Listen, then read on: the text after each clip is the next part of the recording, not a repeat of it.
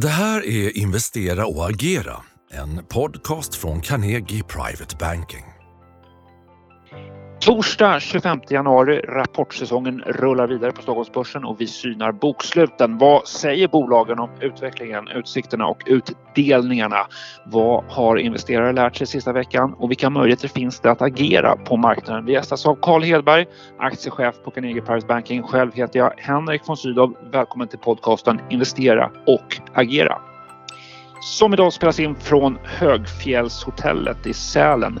Med i studion i Stockholms Finanskvarter har vi Carl Hedberg. Välkommen! Tack så mycket Henrik! Carl, det var precis före jul som du gästade podcasten senast. Det är nästan precis en månad sedan. Då. Ska vi börja med ditt, eh, ska vi starta med ditt om, omdöme om eh, just början på året och januarihandeln på, på Stockholmsbörsen så långt? Ja, men jag skulle vilja säga att så här, enligt förväntan är väl, är väl omdömet av den. Jag tycker att eh, när vi satt här i slutet på förra året så hade vi ju ändå en förväntansbild av att den här starka avslutningen på förra året ändå skulle spilla över in i det här nya året 2024. Och det tycker jag vi har fått se. Eh, vi pratade också då om att vi förväntades oss någon form av rekyl efter den då väldigt starka avslutningen på året. Och det har vi också fått då framförallt på den svenska marknaden. På den amerikanska marknaden som har väl varit ett strå vassare än den svenska eh, så har vi faktiskt mer kanske fått en rekyl tidsmässigt än då eh, rörelsemässigt. Men det var faktiskt ett litet hack i kurvan där eh, på, på den första veckan på året också. Så att jag skulle mm. säga som enligt förväntan är väl det övergripande omdömet. Mm. Just det, och, och en rekyl som gav investeraren en andra chans om man missade rallyt då under november och december att komma in på marknaden igen. Du, du nämnde USA-börserna. Eh, har ju faktiskt då slagit rekord samtidigt som marknadsräntorna har krypit uppåt och förväntningarna på när en och hur tidigt då en, en, första räntesänkning kommer, de har ju faktiskt dämpats. Trots detta, vad förklarar styrkan på amerikanska börser? Är det så att aktiemarknaderna inte är lika räntestyrda eh, längre. K kanske inte fullt lika, men jag skulle ändå säga att marknaderna är räntestyrda fortsättningsvis och jag tycker inte att det liksom är ett helt nytt scenario där. Utan det är nog fortfarande som så att det viktigaste är att det här scenariot fortfarande gäller att vi har nått en räntetopp och att vi har räntesänkningar att förvänta oss. Sen sprang mm. nog faktiskt räntemarknaden eh, och hela marknaden och lite i förväg och började prisa in väldigt många sänkningar under det här året. Eh, och det är väl det vi har sett en viss korrektion på just nu, att man kanske inte eh, kan vara fullt så optimistisk om hur snabbt räntan ska komma ner. Men det tycker jag liksom ändå, scenariot i det stora hela gäller fortfarande och jag tror att marknaden kommer fortsätta vara känslig för för mycket eh, justeringar på de här ränteförväntningarna. Man tål inte hur mycket uppgång i räntan eh, från de här nivåerna som helst utan att det då faktiskt börjar synas i aktiemarknaden. Men förklaringen lite grann till styrkan det är att man fortfarande ser det som en god vinsttillväxt och framförallt om man tittar på den amerikanska marknaden med de här stora Eh, techbolagen, de här Magnificent Seven. Där är det ju mycket vinsttillväxt som har drivit upp de här kurserna. Även om värderingarna till viss del också har kommit upp. Då. Men, men det är väl egentligen huvudförklaringen. Man ser fortfarande en god vinsttillväxt framför sig. Mm. Och på Mm, inte minst på Stockholmsbörsen så har vi haft eh, ja, knappt en vecka nu där resultatrapporterna från bolagen eh, naturligtvis stått i fokus. Eh, bolagen har visat hur det sista kvartalet då på fjolåret gick. Många nya pusselbitar med ny eh, information både om läget i bolagen och om världsekonomin. Då. V vad tycker du är det viktigaste som, som investerare har lärt sig eh, hittills på den sista veckan? Då? Ja, men det är väl lite grann egentligen det här med att eh, man, ska, man ska fortsätta hänga med trenden kan jag tycka. Att man, även om vi har då nått höga nivåer och man kan tycka att det pratas fortfarande om konjunkturavmattning och så vidare. Men så länge vi har den här starka eh, trenden i marknaden så är det åt det hållet man ska, ska eh, ta sina bett helt enkelt. Sen har vi väl fått lite så här olika signaler från bolagen. Vissa har då rapporterat kanske vinster som har varit något under förväntan. Men har man kunnat väga upp det med, med någonting annat då, låt säga ett kostnadsbesparingsprogram eller någonting. Så som gör att man kan ändå ha liksom en tilltro till att vinstnivåerna ändå kan hålla sig rätt okej okay och framförallt då vinstmarginaler kan hålla sig rätt okej. Okay, så har det ändå räckt till positiva kursreaktioner. Så jag tycker det man får ta med sig från, från rapporterna hittills vi har sett det är fortfarande tycker jag liksom ett, en fördel åt det mera positiva tolkningsföreträdet. Det har inte liksom blivit någon, någon sen förändring där utan den starka avslutningen på, på förra året det är fortfarande lite grann den trenden vi ser. Mm. Du, är det någon enskild eh, rapport hittills som eh, sticker ut och fungerar tonsättande, sätter humöret för, för investerare? Egentligen så tycker jag nog inte att det är något riktigt så enskilt bolag som sticker ut. Men jag tycker bankerna har ju rapporterat. Vi har ju haft Swedbank och SE-banken som har rapporterat. Det har ju varit bra stabila rapporter. Eh, och där har vi fått en positiv kursreaktion. Eh, det tycker jag väl liksom man kan ta med sig att jag tror inte att vi kommer se något helt nytt läge när det gäller de här svenska bankerna. Jag tror fortfarande att man kan räkna med att det kommer vara goda vinstnivåer på dem och det är fortfarande låga värderingar.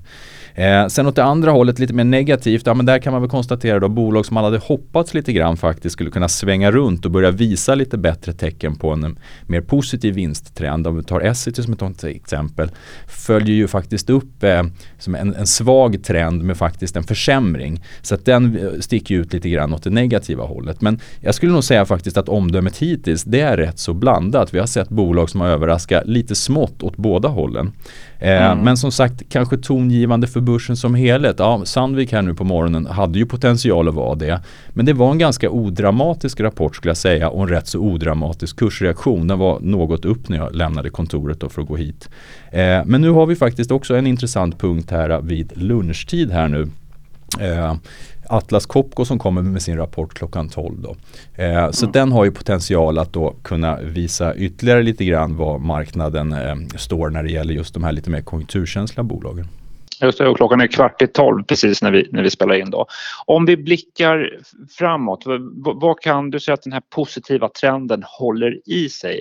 Vad, vad är det nu som kan förändra bilden? Vilken information är du eh, fortsatt särskilt uppmärksam på? Vad, vad visar vägen framåt? Jag skulle säga att så här, orderingång kommer vara väldigt viktigt för de bolagen som, som redovisar en sån och som har en framtida eh, intäktsutveckling som styrs just av hur, hur kunderna fortsätter att lägga sina ordrar. Och sen kommer det också vara väldigt intressant att se hur vinstmarginalerna i bolaget hålls uppe. För att jag tror att vi kan räkna med att det ändå kommer vara en viss avmattning generellt sett, framförallt bland de konjunkturkänsliga bolagen.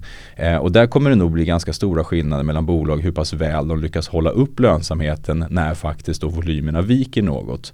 Eh, och framförallt så finns det ju en hel del bolag som man har då över senaste tiden sett ett positivt scenario kring att det här är bolag som bör kunna bevisa sig att man faktiskt kan hålla upp lönsamheten även i sämre tider och därmed kunna motivera en högre värdering. Så att där blir det ju faktiskt lite upp till bevis för den typen av bolag. Du, eh, på temat mer blicka framåt, om du skulle teckna kartan, eh, vilka bolagsrapporter och vilka dagar den närmaste veckan blir eh, särskilt formativa? Vad, vad, vad blir viktigast i återstoden av rapportsäsongen? Ja, men om vi tittar här för den närmsta veckan. Jag skulle säga imorgon har vi ju Volvo, Volvo lastvagnar som rapporterar. Det kommer vara en intressant rapport att följa. Det är just ett sånt här bolag där man har pratat mycket om en omvärderingspotential för att man kan visa att man är ett nytt bättre bolag då mot man har varit eh, historiskt sett. Eh, sen får vi nog hoppa nästan fram till kanske mitten på nästa vecka när vi har då lite mera eh, indikatorer på, på just eh, tillverkningsindustrin. SKF och SSAB på onsdag tycker jag kommer vara intressant att kika på. Vi har även Hennes och Maurits då kan ge en liten inblick till hur konsumenterna agerar. Och sen följs det då upp på torsdag med ABB då ytterligare lite grann eh, industrikonjunkturen, lite temperaturmätare där. Men kanske faktiskt av ännu lite större intresse om vi nu ska titta på ur ett eh, globalt börsperspektiv så har vi faktiskt en del stora amerikanska bolag då. Vi har vi har Alphabet och Microsoft på tisdag och vi har eh, Apple och eh, Meta på torsdag. Så det kommer också vara av stort intresse att se att de faktiskt lever upp till förväntningarna om vi nu ska kunna hålla den här positiva börstrenden. Mm, spännande. Tisdag, onsdag, torsdag låter som särskilt heta dagar då eh, nästa vecka. Jajamän. I det här läget, mitt i rapportsäsongen, vilka möjligheter ser du för privata investerare att agera? Är det läge att köpa aktier i bolagen före de släpper sina, sina rapporter, före rapportsläpp eller hur ska, hur ska investeraren tänka? Jag tycker nog att eh, man snarare ska syna rapporterna än att ta bettet innan. Dels har vi fått ganska dåligt betalt för den typen av bett här om vi tittar tillbaka de senaste kvartalsrapporterna och faktiskt även starten på den här kvartalsrapporten.